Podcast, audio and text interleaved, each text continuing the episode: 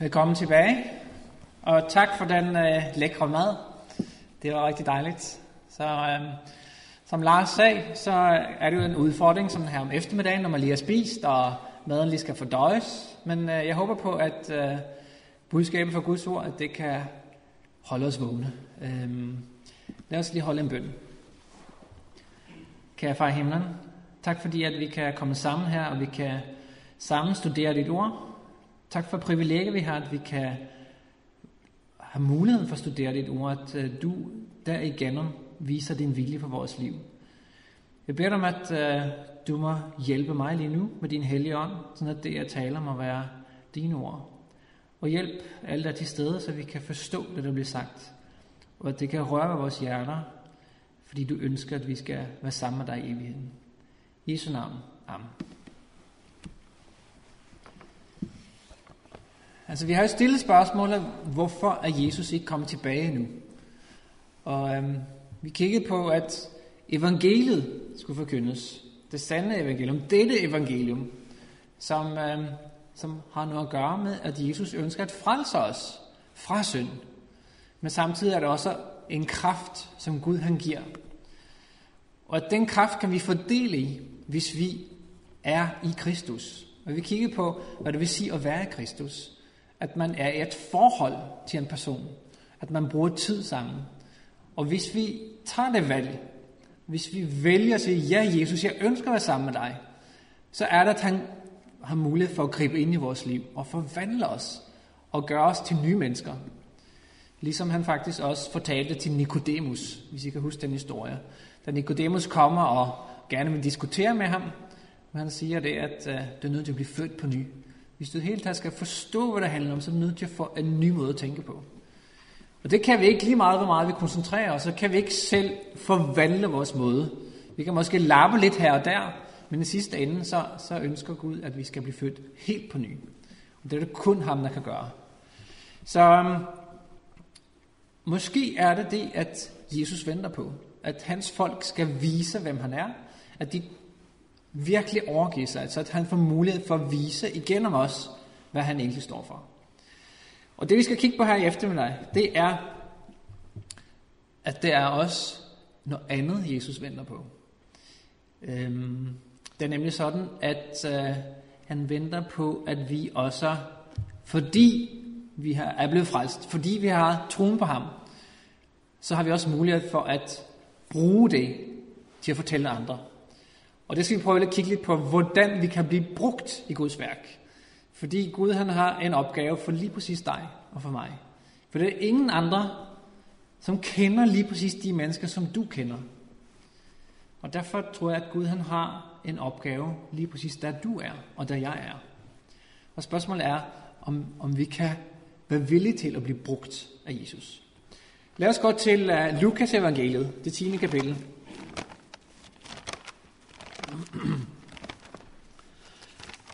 Og der er det sådan, at øh, Jesus han faktisk har taler til sine øh, disciple. Fordi de kommer på en opgave, de her disciple. Og lad os læse fra vers 1 i det 10. kapitel i Lukas evangeliet. Og der står, Derefter udpegede Herren 72 andre og sendte dem i forvejen to og to til alle de byer og steder, hvor han selv agtede sig hen. Så Jesus er, han har altså en, en opgave for, for hans efterfølgere her. Han sender dem ud. Og øh, det vi skal kigge på nu, det er, hvad han fortæller dem, inden de går ud. Og det læser vi her i vers 2. Og det står her, han sagde, han sagde til dem, høsten er stor. Vi kan lige stoppe der. Jesus siger til sine disciple, høsten er stor. Og her i gudstjenesten dag, så kiggede vi på, at høsten kommer, når, eller Jesus kommer og høster, når høsten er moden. Og det han siger, det er, at høsten den er stor. Og det er ikke, hvad du tænker, når du tænker på, at høsten er stor. Tænker du på, at øh, her i Faxe for eksempel, at det er en stor høst af mennesker, som virkelig ønsker at tro på Jesus? Eller måske i København, der der bor en million mennesker eller deromkring, tænker vi på, at der er den store høst. Det er i hvert fald ikke sådan, jeg lige umiddelbart tænker. Når jeg går ud på gaden i København og møder mennesker, så tænker jeg, kender de Jesus? De fleste tror jeg ikke gør det, sådan som jeg tænker. Men Jesus han siger altså, at høsten er stor. Altså, jeg kan jo godt tænke sådan, at jamen, altså i Sydamerika og i Afrika, da vi hører i, i missionsfortællingen i sabbatskolen om alle de fantastiske ting, der sker. Tænk, hvis det bare kunne ske her i Danmark. Hvor ville det være fantastisk? Ja, der er høsten stor. Men han siger også, at høsten er stor. Spørgsmålet er, gælder det også her i Vesteuropa? Eller som i Bibelen på Pinsefestens dag, da Peter han stillede sig op og øh, talte lige ud af posen. Og så står der, at det var 3.000, der vendte om den dag. Wow, tænk hvis det kunne ske her i Faxe eller i København. 3.000, der vender om. Det ville være fantastisk. Men fra vores perspektiv af, så ser det ikke rigtig ud som det. Men jeg ved ikke, om I har været inde i en svømmehal nogensinde. Og derinde så er der sådan de her hop, de her tårn. 5 meter for eksempel. Jeg ved ikke, om jeg har prøvet at stå nedenfor sådan en 5 meters vippe der, og så kigger op, og så tænker nå ja, men det er jo ret højt, men det er vel ikke så farligt. Når man står dernede og kigger op, hvis man så går op ad trappen og går ud på kanten, og så kigger ned, hvordan det så føles. Det føles altså bare ret anderledes, end at stå dernede. Jeg ved ikke, om jeg har prøvet det. Men det vil sige, at det er et andet perspektiv, når vi ser det ovenfra og ned, end vi står nede og kigger op. Kan vi være enige i det? Så hvis vi nu prøver at tænke på, at det er altså Jesus, der siger det her. Og fra hans perspektiv af, så siger han, at høsten er stor. Fra vores perspektiv, så kan vi ikke se det. Men han siger det, høsten er stor. Et par eksempler fra Bibelen. Da Jesus han er ude at vandre med disciplene på vej op nordpå, og går igennem Samaria, hvilket de færreste jøder gjorde. De tog heller en omvej rundt om for at komme nordpå. Men Jesus ville altså gå igennem Samaria, for han vidste, at der var der noget i vente. Og så sætter han sig ned og taler med en, en kvinde. Og man kan næsten høre disciplen, der tænker, Jesus, altså en kvinde, er det det værd? Gå til Johannes evangeliet, det fjerde kapitel. Så kan I lige øh, se, hvad øh, disciplene tænker her, og hvad Jesus han tænker. I det fjerde kapitel i Johannes evangeliet.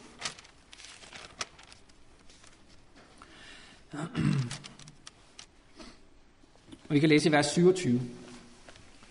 Og der står der, netop, netop da kom hans disciple tilbage, og de undrer sig over, at han talte med en kvinde. Alligevel spurgte ingen, hvad han ville hende, eller hvorfor han talte med hende. Så vi kan se her, at han, de undrer sig lidt over, at, nu, at han nu bruger tid på den her kvinde. Og vi kan høre, hvad Jesus han siger til disciplene, at han faktisk bekræfter det, de tror. Hvis vi går til øh, nogle vers senere her, i vers 35, så siger han til disciplene, siger I ikke, fire måneder tager det nu, så kommer høsten. Altså, vi tænker sådan lidt tit i fremtiden. Altså, en gang, så skal høsten blive stor. En gang, så sker det. Så kommer Helion. Eller, det en gang. Altså, det kommer en gang. Men læg mærke til, hvad Jesus han siger bagefter. Men jeg siger jer, luk jeres øjne op, se ud over markerne, de er hvide til høst. Så det Jesus han siger til disciplene er, at det kan godt være, at I tror, at på et eller andet tidspunkt, så sker der et eller andet fantastisk. Men hvis I bare kunne se, som jeg kan se, så ved I, eller så, kan I, så vil I kunne se, at lige nu er markerne hvide til høst. Og det kan vi jo se nogle vers senere her i vers 39. Og læs med mig her, der det står, men mange samaritaner fra den by kom til tro på ham på grund af kvindens ord da hun vidnede. Han har fortalt mig alt, hvad jeg har gjort. Da nu samaritanerne kom ud til ham, bad de ham om at blive hos dem. Han blev der i to dage, og på grund af hans ord kom mange flere til tro. Så fordi at Jesus han brugte tid på den ene kvinde, og han gjorde noget i hendes liv, så kunne hun ikke lade være. Hun løb ind til byen. På trods af, hvis vi kigger lidt nærmere på historien, så kan vi se, at hun kom ud til brønden midt på dagen. Da normalt så ville man ikke gå ud til brønden midt på dagen. Man gjorde det typisk om morgenen eller om aftenen. Men hun havde nok en grund til det. Hun havde ikke lyst til at møde andre mennesker. Og der kan vi også se i historien det, at hun havde et problem med mænd. Og det vidste Jesus godt. Men når Jesus har forvandlet hende, så siger hun, kom og se en mand, der fortalte mig alt, hvad jeg har gjort.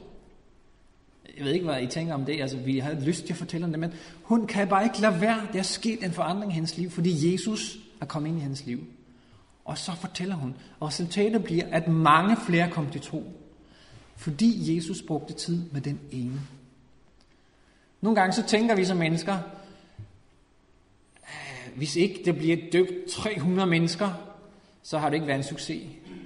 Men hvis vi ser det fra Guds perspektiv, så ved han, at lige præcis den ene person, der kom til de møder i Holt, de kan være forskellen. Eller et andet eksempel. Prøv at gå til Apostlenes Gerning det syvende kapitel. Så er der en, der hedder Stefanus. Og han holder en mægtig tale, en fantastisk tale i det syvende kapitel, fortæller om hele jødefolkets historie. Men til sydenlandet så er resultatet bare det, at han bliver dræbt. De stener ham. Ikke ligefrem den store succes. Men læs, hvad der står her i vers 58. De drev ham uden for byen og begyndte at stene ham. Viderne lag deres kapper ved fødderne af en ung mand, der hed Saulus. Har I hørt om ham? Han fik et andet navn siden, der hed Paulus. Jeg tror på, at når Paulus så Stefanus, så er det begyndt en proces i hans liv, som kulminerer, når Jesus viser sig for ham på vej til Damaskus. Men til sydenland, den her ene tale, som resulterede i, at han blev dræbt Stefanus. Og hvor stor en indflydelse har Paulus haft. Det har været helt utroligt. Hvis vi ser det fra Guds perspektiv, i stedet for vores eget perspektiv, så er høsten stor. Så er høsten stor. Men tilbage til Lukas igen. Fordi det er et men. Lad os kigge på det. Og hvis vi tænker også på det i den her sammenhæng, vi har i dag med, at hvorfor er Jesus ikke kommet tilbage nu? Det er det, vi prøver at besvare ved hjælp af de her tre møder i dag.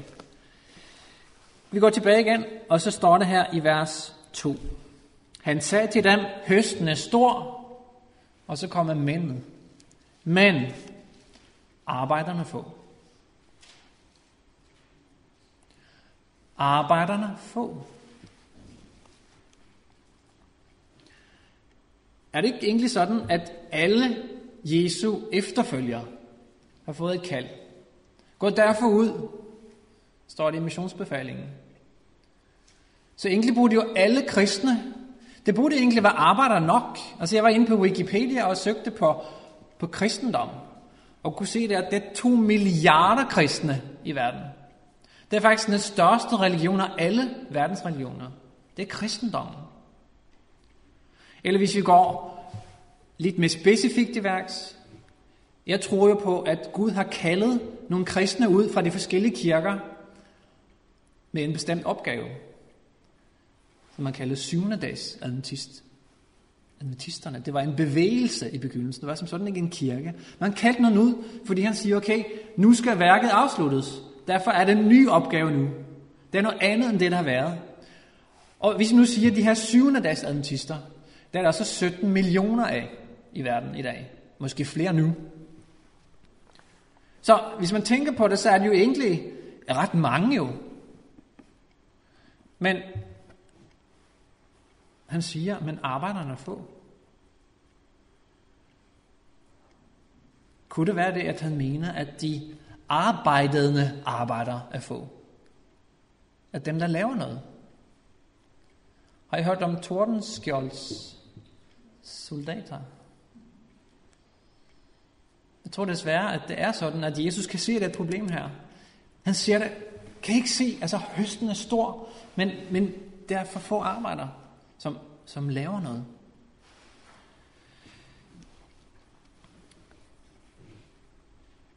Lad os kigge på en lignelse, som Jesus han uh, fortæller, for vi vil prøve at finde ud af, hvorfor er det på den her måde. Og det er Matthæus 21. Matthæus det 21. kapitel. Og så står der i vers 28. Og så er det Jesus, han siger, men hvad mener I? En mand havde to sønner. Han gik hen til den første og sagde, min søn, gå ud og arbejde i vingården i dag. Men han svarede, nej, jeg vil ikke. Bagefter fortrød han og gik derud. Så gik han hen til den anden søn og sagde det samme til ham. Han svarede, ja herre, men gik ikke derud.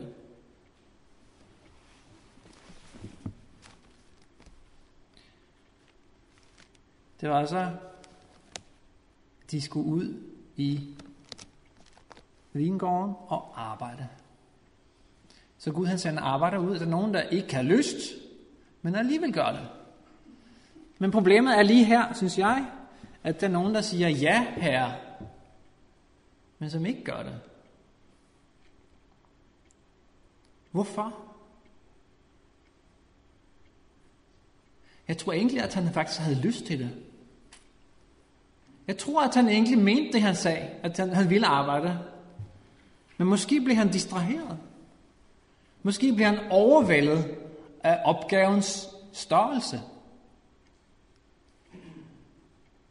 Og det er så mange ting, som distraherer arbejderne i dag, tror jeg.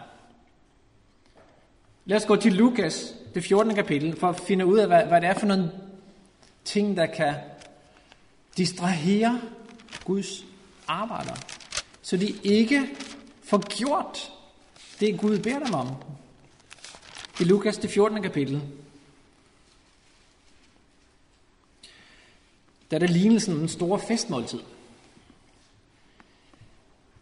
Og vi læser her fra vers 16. Jesus svarede, der var en mand, som ville holde et stort festmåltid og indbød mange. Da festen skulle begynde, sendte han sin tjener ud for at sige til din bøsse, kom, nu er alt reddet. Det vil sige, Jesus har gjort alt klar, og vi bliver indbudt til fest. Det er jo fantastisk. Det er jo helt vildt enkelt at komme til fest hos kongen. Nu bor jeg i Fredensborg, og i Fredensborg ligger der et slot. Vi bor faktisk øh, ret tæt på. Egentlig er vi faktisk nabo til slottet. Øhm, fordi det bor ikke nogen mellem os og slottet, det er sådan ikke helt tæt på. Men, men jeg har endnu ikke fået indbydelse af Frederik og Mære til at komme til fest på slottet, på trods af, at jeg er nabo til slottet. Jeg har godt nok mødt dem et par gange, når jeg har gået tur i parken. Men tænk, hvis jeg havde fået en indbydelse her. Rent faktisk har min søn Christoffer været på slottet. Fordi da han skulle have erhvervspraktik i 9. klasse, så valgte han at, at være i praktik i en børnehave i Fredensborg. Det viste sig så, at det var lige præcis den børnehave, der Christian og Isabel, hvis I ved, om det er, det er de her små prinser og prinsesser, de uh, gik. Og det viste sig, at min søn Christoffer kom i lige præcis den gruppe, som Christian var. Så min søn Christoffer er altså gået i tur med Christian i hånden. Og lige præcis den uge, som Christoffer var i den her børnehave, så havde Christian fødselsdag. Og hele den gruppe blev inviteret op på slottet, inklusive min søn Christoffer. Og jeg tænkte, Christoffer, nu skal tage kamera med tage billedet. Nej, far. Der var måske godt, at han ikke lyttede til, hvad jeg sagde. Så, men han, Frederik hilste, hej Christoffer og Mary, og de havde lavet pizza og lavet skattejagt i haven. Og så det, det var en stor oplevelse for Christoffers forældre. Ja, også lidt for Christoffer. Men prøv at forestille dig det, at komme til fest på slottet. Men hør, hvad de siger, de her. Men de gav sig alle som en til at undskylde sig.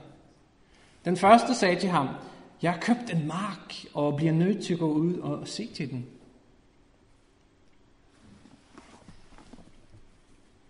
Jeg har ikke tid Gud, fordi at øh, jeg lige købt den her nye øh, iPad, og den tager lidt tid, og så har jeg fået en ny bil, og ja. Tror du, der er nogen ting i dit liv, som kan tage noget tid fra opgaven? Det var det i hvert fald her. Og vi læser videre. En anden sagde, jeg har købt fem par okser og skal ud og prøve den. Jeg beder dig, øh, have mig undskyldt. Jamen det er rigtigt, altså jeg, det er mit arbejde jo. Og, og jeg har travlt, jeg er en vigtig mand i mit arbejde. Jeg arbejder i hvert fald 50-60 timer, nogle gange 70 timer, fordi at jeg er firmaets mand. Så Gud, øh, jeg har ikke så meget tid lige nu. Kan du ikke venligst have mig undskyldt? Eller en tredje sag, jeg har lige giftet mig, og, og derfor kan jeg ikke komme. Ja, altså det kunne være min kone, det kunne være mine venner, det kunne være forhold, vi har. Gud, du kan godt forstå, at hvis jeg nu fortæller, sådan, at jeg er kristen, så, så vil mine venner godt nok synes, jeg er lidt mærkelig. Så Gud, kan du ikke lige have mig undskyld nu? Altså, jeg, jeg skal jo pleje mine venskaber i skolen, eller på min arbejdsplads. Så det er undskyldninger nok for arbejderne. Og jeg tror, ikke, jeg tror, at den arbejder, han vil gerne. Men som vi talte om tidligere, så lever vi en kamp, der Satan gør alt, han kan. Og han ved lige præcis, hvor du er svag. Han ved lige præcis, hvor du ikke rigtig kan stå imod selv. Og selvfølgelig, så er det ikke tid nok. Måske kan det også være, at opgaven er for overvældende. Vi tænker på, ah, en million mennesker i København. Hvordan skal vi, en lille kirke, hvordan skal vi kunne nå ud til alle de mennesker? Men måske glemmer vi en ting. Lad os lige tage det løfte med os i Zakarias' bog, som er den næst sidste bog i det gamle testamente. Zakarias, det fjerde kapitel. Og tænk på her, når vi nu bekymrer os, kan vi klare det? Helt en stor opgave. I det 6. vers i Zakaria, så står der, der sagde han, det der herrens ord til Zerubabel, ikke ved magt og ikke ved styrke, men ved min ånd, siger herres, herskars herre. Venner, vi kan ingenting med magt. Det er Guds ånd, der skal gøre det. Det er Guds ånd, som kan forvandle menneskers hjerter. Og hans veje er så højt over vores veje, som vi ikke kan fatte det. Men spørgsmålet er, er vi villige? Tør vi gå i tro på, at det kan lade sig gøre? Og heldigvis så har vi eksempler i Bibelen på, hvordan mennesker er blevet forvandlet. Jeg talte lige om Peter før, da han stod på pinsefestens dag. Jeg ved ikke, om I kan huske, men lige inden Jesus han dør, så siger Peter til ham, at øh, Jesus, lige meget hvad, jeg føler dig tygt og tyndt. Og så går der lige noget få linjer. Og så siger Peter, da han bliver virkelig trykket op imod væggen, så siger Jesus, han kender jeg da ikke. Han sagde noget, men det tyder på, at han ikke rigtig vidste, hvad det handlede om. Han kendte ikke Jesus. Jeg kender ham ikke, sagde Peter. Og det tror jeg rigtig rigtigt nok. Han kendte ikke Jesus. Så vi snakker om til gudstjenesten, at kende, hvad det betyder at have et tæt intimt forhold. Han gik i egen kraft. Men da Jesus han døde, og kom tilbage til ham igen, til Peter, og spurgte Peter, elsker du mig? Peter tager ud og fiske. Han, han kunne ikke lave det arbejde, som Gud har sat ham til. Han havde svigtet Jesus sin herre. Men Jesus kommer hen til ham. Elsker du mig, Peter? Peter siger, ja, det gør jeg jo. Elsker du mig? Ja, det gør jeg. Elsker du mig? Jesus viste, at han elskede Peter. Og det skete nu med Peter. Og da de efter Jesus tager op til himlen, og de sammen i 10 dage og bad og studerede profetierne. Og de fik helligånden.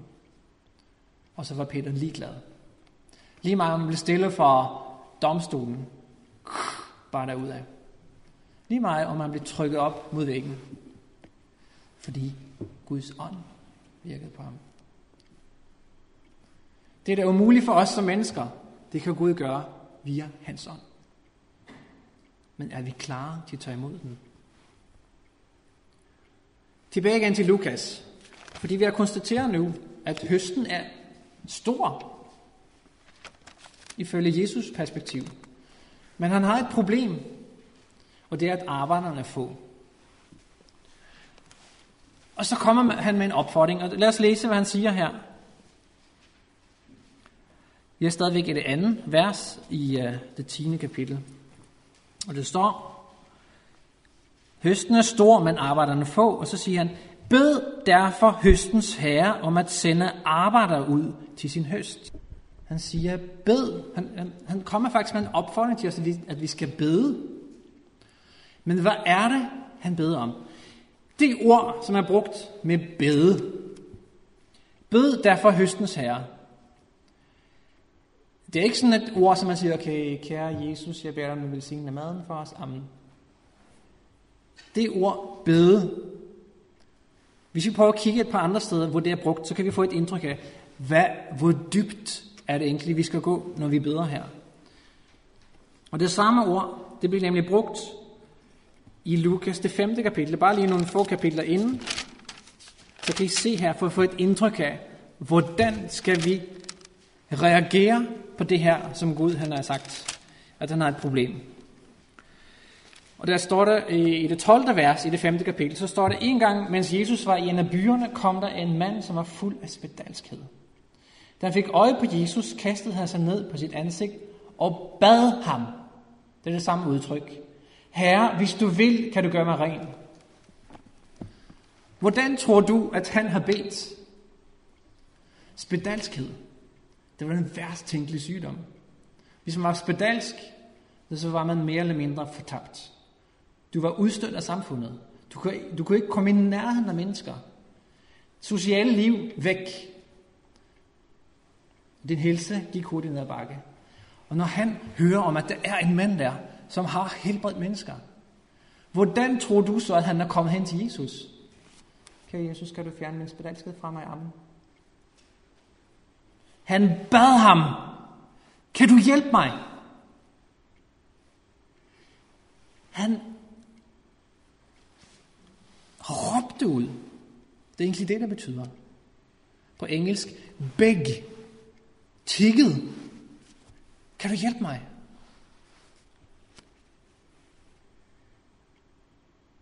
Hvis vi beder om at sende arbejder ud. Det er det, han ønsker. Send arbejde ud. Men vi går videre her også. Fordi det her med at sende arbejder ud, det er også måske lidt dybere, end det vi sådan umiddelbart læser på dansk. Det står, bed derfor høstens herre, tig ham, fald på knæ, råb ud til ham om at sende arbejder ud til sin høst. Og sende, på græsk, så hedder det ekballo. Ballo betyder egentlig at kaste, ligesom at kaste en bold. Og ikke derud, så kaste ud. Vi kan lige læse et andet sted, bare så få et indtryk af, hvordan det ellers bliver brugt, det her. Fordi det er vigtigt at forstå, hvad er det egentlig, vi skal bede om, for at høsten er stor, og Jesus er ikke kommet nu. Måske kunne det have med til at fremskynde, at Jesus kommer tilbage. Johannes, det andet kapitel, så bliver det samme ord brugt. Johannes kapitel 2. Og vi læser her i vers Øh, 15. Her er der, at Jesus kommer til templet, og han kan se de handlende, hvordan de handlende okser kår, øh, kører og får i templet. Og Jesus han bliver påvirket af det her. Og det står, Jesus, han lavede en pisk af reb og jo dem alle ud. Ikke ballo. Han jo dem ud. Ikke fordi han havde de mennesker, men fordi at han kunne se, at der var noget helt galt her. Så det, den, det ting, han gør, der, når han kaster dem ud, det er det, der menes her ved at blive sendt ud. Det samme ord bliver også brugt, når Jesus han drev dæmoner ud. Så han smed dem ud. Han fjernede dem. Så hvis Jesu opfordring til dig og mig er, fordi at arbejderne får, høsten er stor, så siger han, bed, tig mig om at sende arbejde ud, og smide arbejde ud, og kaste arbejde ud. Hvis jeg oprigtigt beder den bøn, så kan jeg ikke gøre det, uden at begynde med mig selv. Jeg kan ikke bede Gud om at sende arbejder ud, uden at jeg også må være en del af dem. Kan I se det? Så kan jeg ikke oprigtigt bede den bøn. Og det er det, Jesus Han siger, bed om at sende arbejder ud, for jeg har et problem. Men problemet kan løses. Men du skal bede mig om det. Du skal tikke mig om det.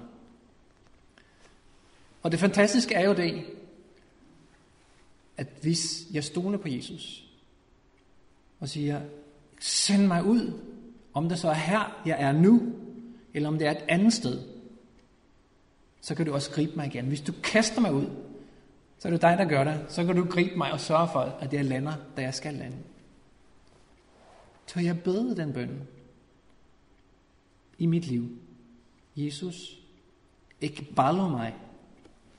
Send mig ud.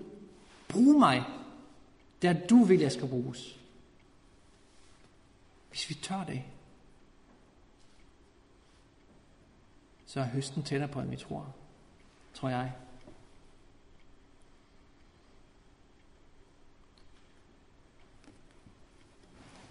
Men så er der noget ret øh, interessant, eller komisk, eller egentlig lidt, ja, det er egentlig faktisk lidt komisk, det der kommer nu. Fordi hvad er det, han så siger til os?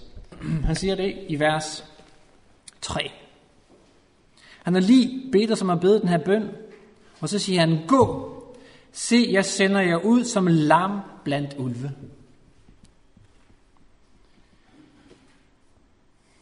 Hvad tænker du på, når du tænker et lam?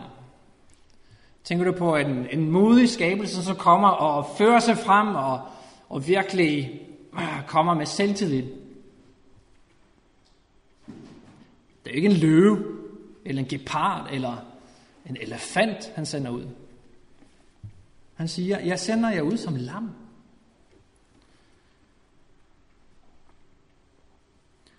Så det kan jo være flere ting.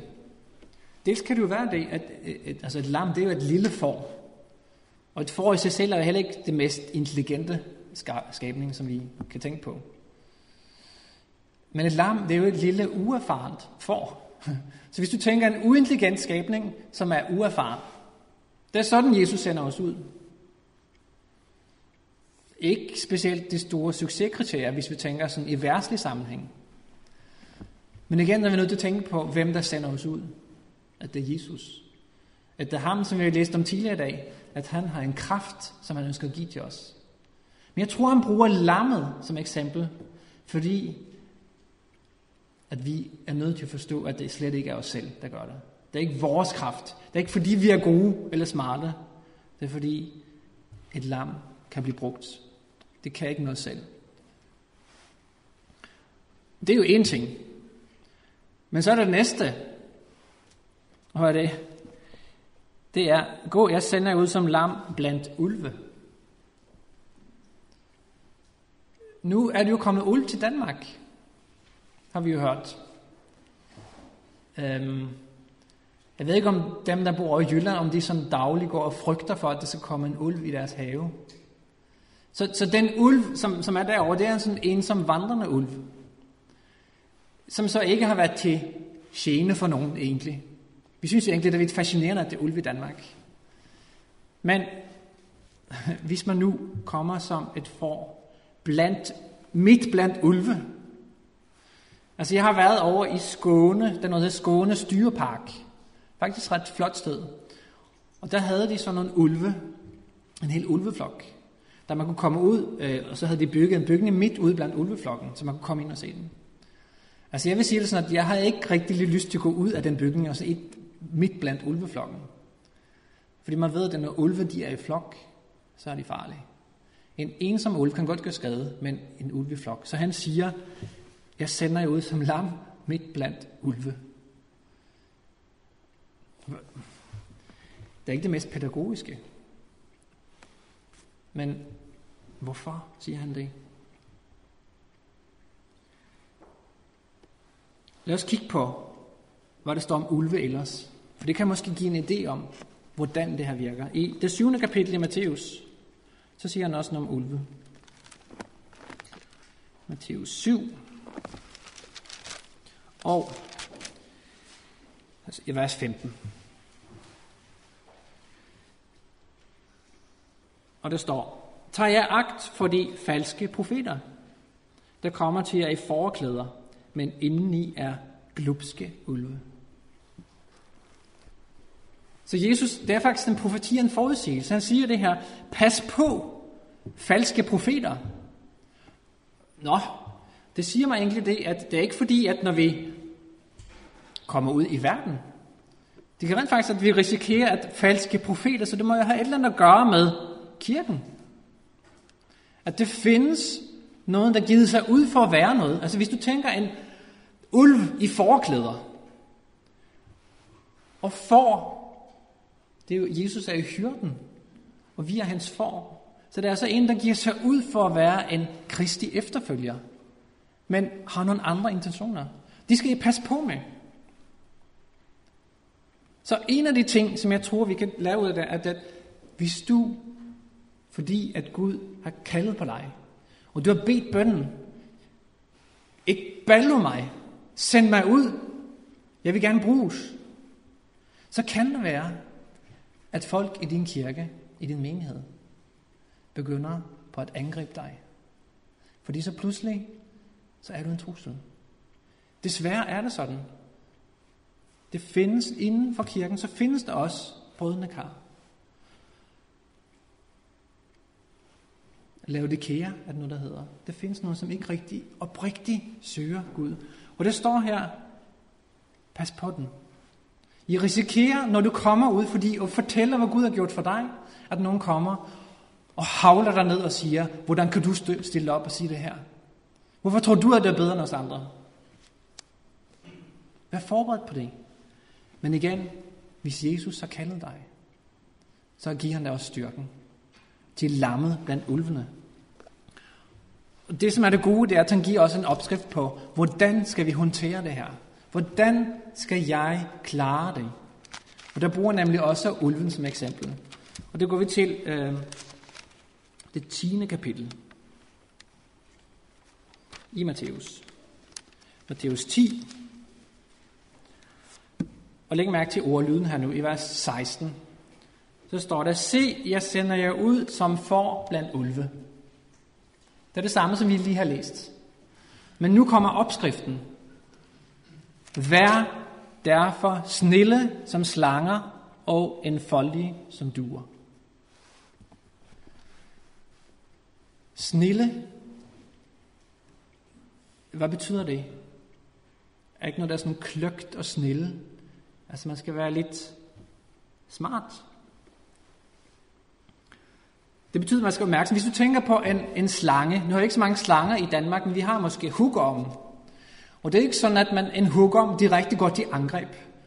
Altså den holder sig lidt væk, den trækker sig lidt til siden. Hvis vi kommer vandrende i skoven, og, og, og vi larmer, jamen, så ser vi ikke ret tit hugorm, fordi så trækker den, uh, kører væk ud til siden. Den passer på, den er forsigtig, opmærksom, lytter. Den laver ikke en unødig provokation. Er det det, du siger, Jesus? Jeg sender jer som for blandt ulve.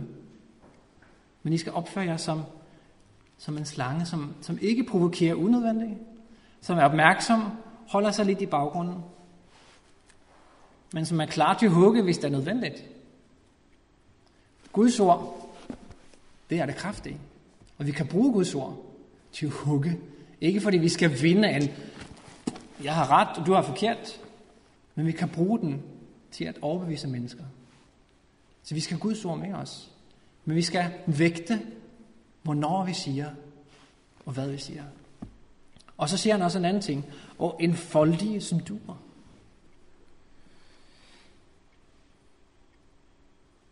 enfoldig.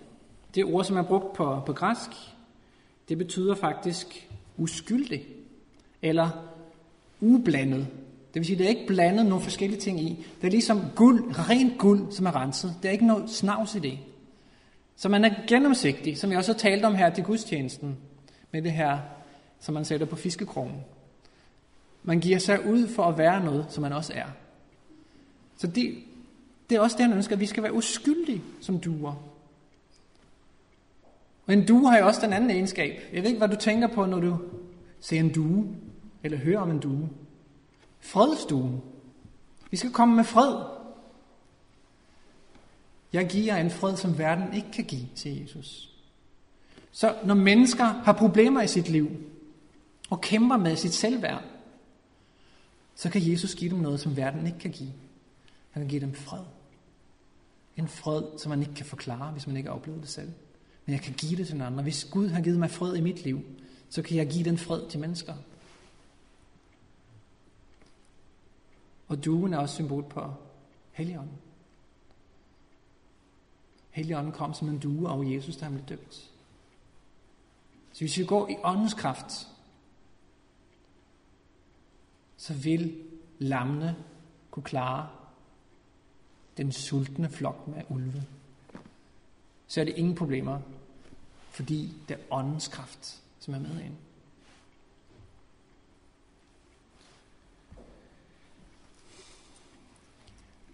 Hvad er egentlig lammets største ressource?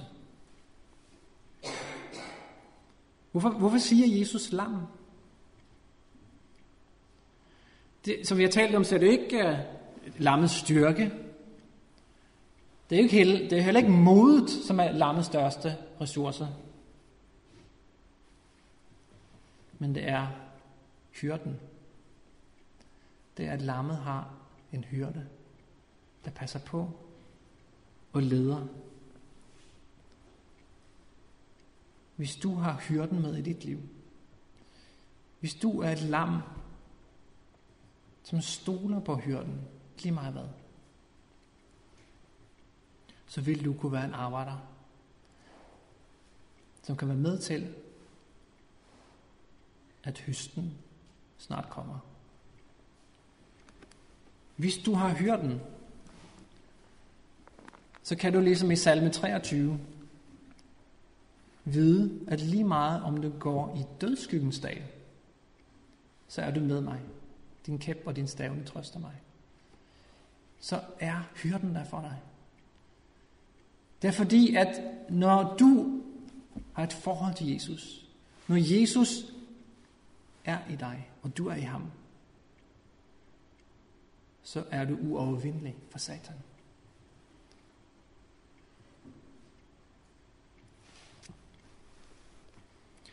Høsten er stor, men arbejderne få. Så bed derfor høstens herre om at sende arbejder ud. Er du parat til at bede Gud om at bruge dig?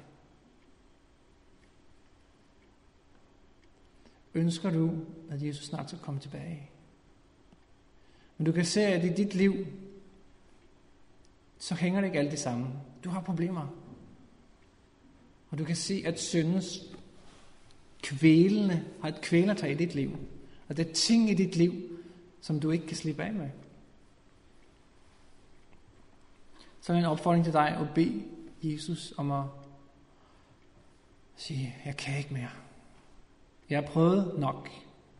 Jeg kan ikke. Vil du ikke komme ind og tage over og styre mit liv? For jeg kan ikke selv. Hvis du ønsker at bede den bøn, så tror jeg på, at Jesus snart kommer tilbage. Skal vi bede. Kære far himlen, tak fordi at der er så mange fantastiske ting, vi kan finde i dit ord. Tak fordi at du i dit ord, i Bibelen, har givet os opskriften på, hvordan vi kan for succes. Og ikke succes på den måde, som verden tænker succes, men succes på den måde, at vi kan vinde over Satan. Fordi Satan har magten over alle os. Men med din hjælp, for du har vundet sejr over Satan.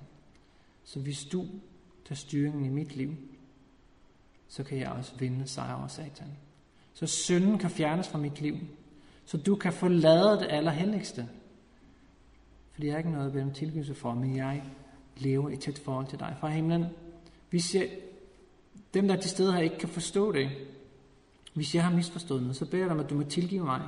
Men jeg beder dig om, at vi alle må få en længsel efter at undersøge dig selv, studere dig selv, og få en egen erfaring med, hvad du kan gøre i vores liv. Jeg ønsker, at det må være mindst en her i dag, som har fået et møde med dig, og har forstået, hvad du har gjort for dem. Og vi ved, når vi læser det her, at høsten er stor. Hjælp os til at se det fra dit perspektiv. Hjælp os til at se det på den måde, at du kan se lige præcis, hvem vi skal have fat i, som kan omvende andre mennesker. At en person kan være forskellen. Tak fordi, at de ting, vi ikke kan forstå, de kan vi give til dig, og du vil give det til os i den rækkefølge, som vi har brug for at lære det. Jeg beder dig, om du var med meningen her i Faxe, at de kan være et lys for dig, at mennesker i, i Faxeby omgivelsen må kunne få lyst til at lære mere om dig, fordi de kan se, at her er det kærlighed, og her følger de dig. Følge lammet, hvor det går. Tak fordi, at du hører vores bøn. I Jesu navn. Amen.